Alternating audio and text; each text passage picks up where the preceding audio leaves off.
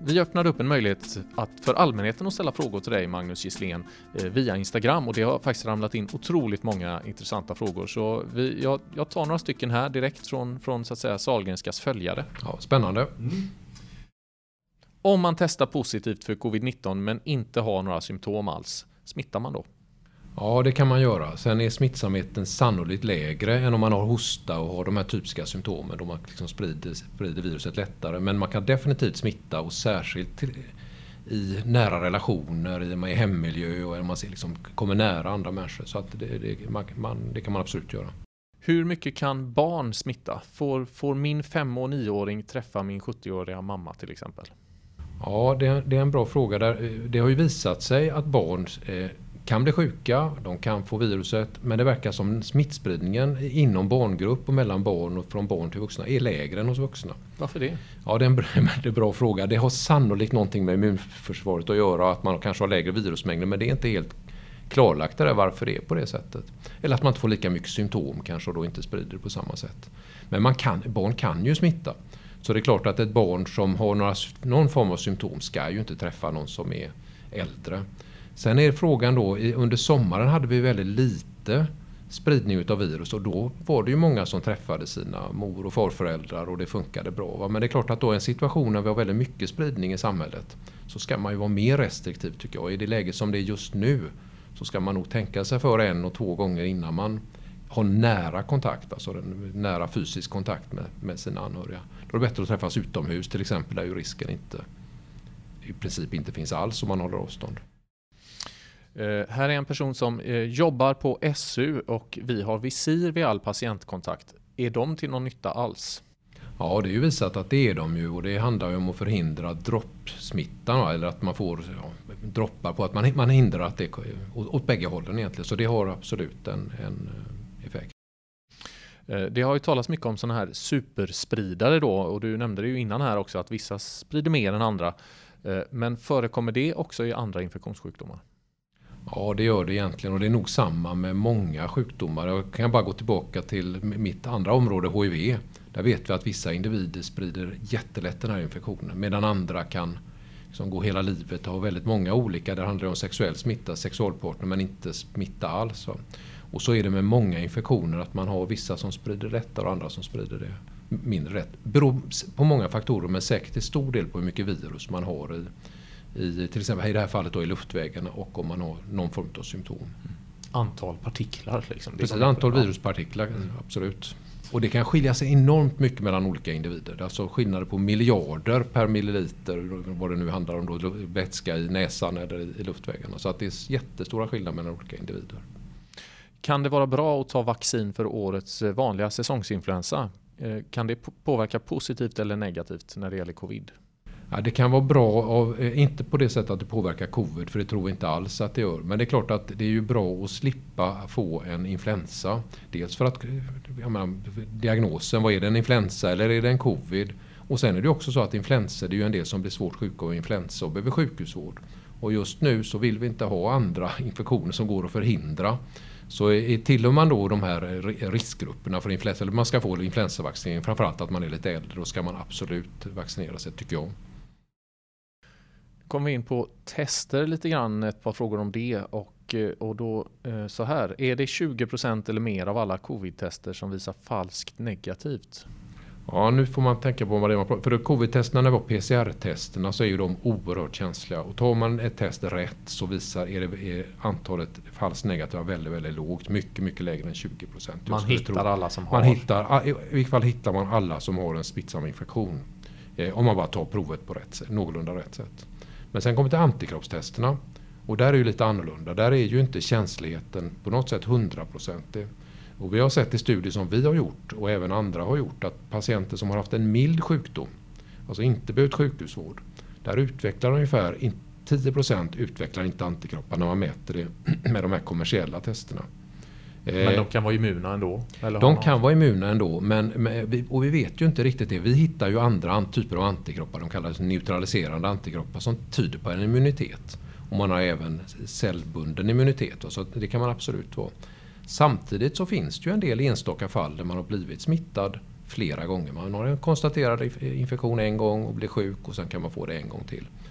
Då normalt sett inte svårt sjuk, men, men det finns ändå en risk. Alltså vi vet inte riktigt hur det är med hur stor del liksom, antikroppsnivåerna spelar för immuniteten och hur långvarig den är. Det, det finns fortfarande mycket kvar att lära där.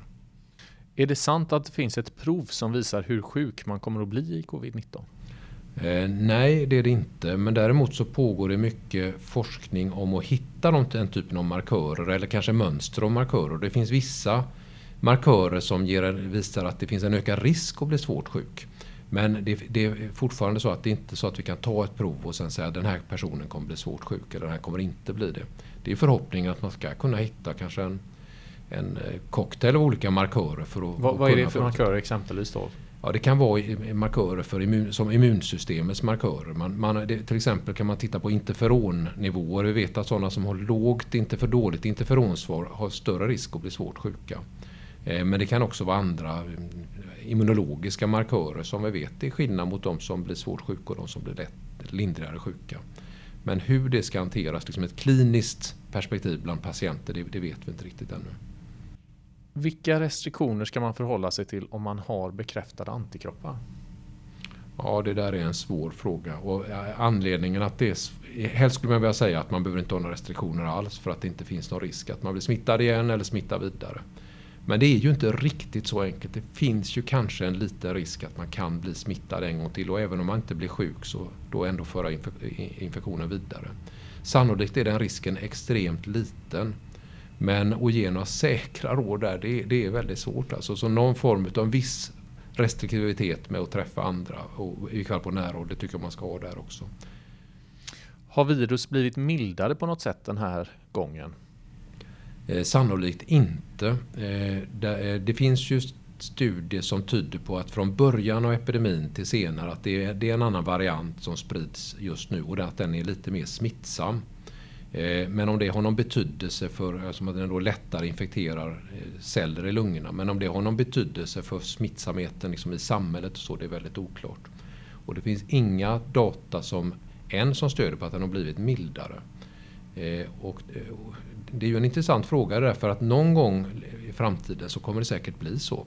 Som de flesta virus. Och jag kan tro, nu spekulerar jag lite grann här, men att skulle vi låta, får vi inget vaccin så skulle det nog kunna vara så här att de flesta blir smittade så småningom som barn. Man blir inte svårt sjuk och man får en immunitet som sen byggs på under livet. Som många andra infektioner. Mm. Men då som nu när man blir smittad när man är äldre kan man bli svårt sjuk.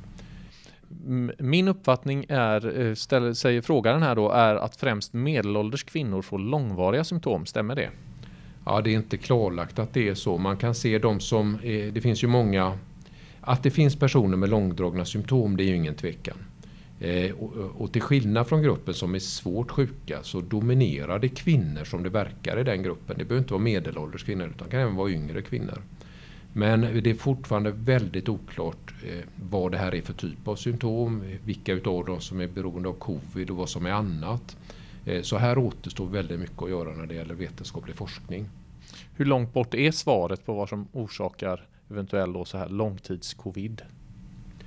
Eh, ja, den, det, det är en jättesvår fråga. Eh, det pågår forskning och problemet är ju lite grann att när man gör studierna så måste man sortera ut och verkligen titta på dem där man till 100% vet att de har haft en infektion.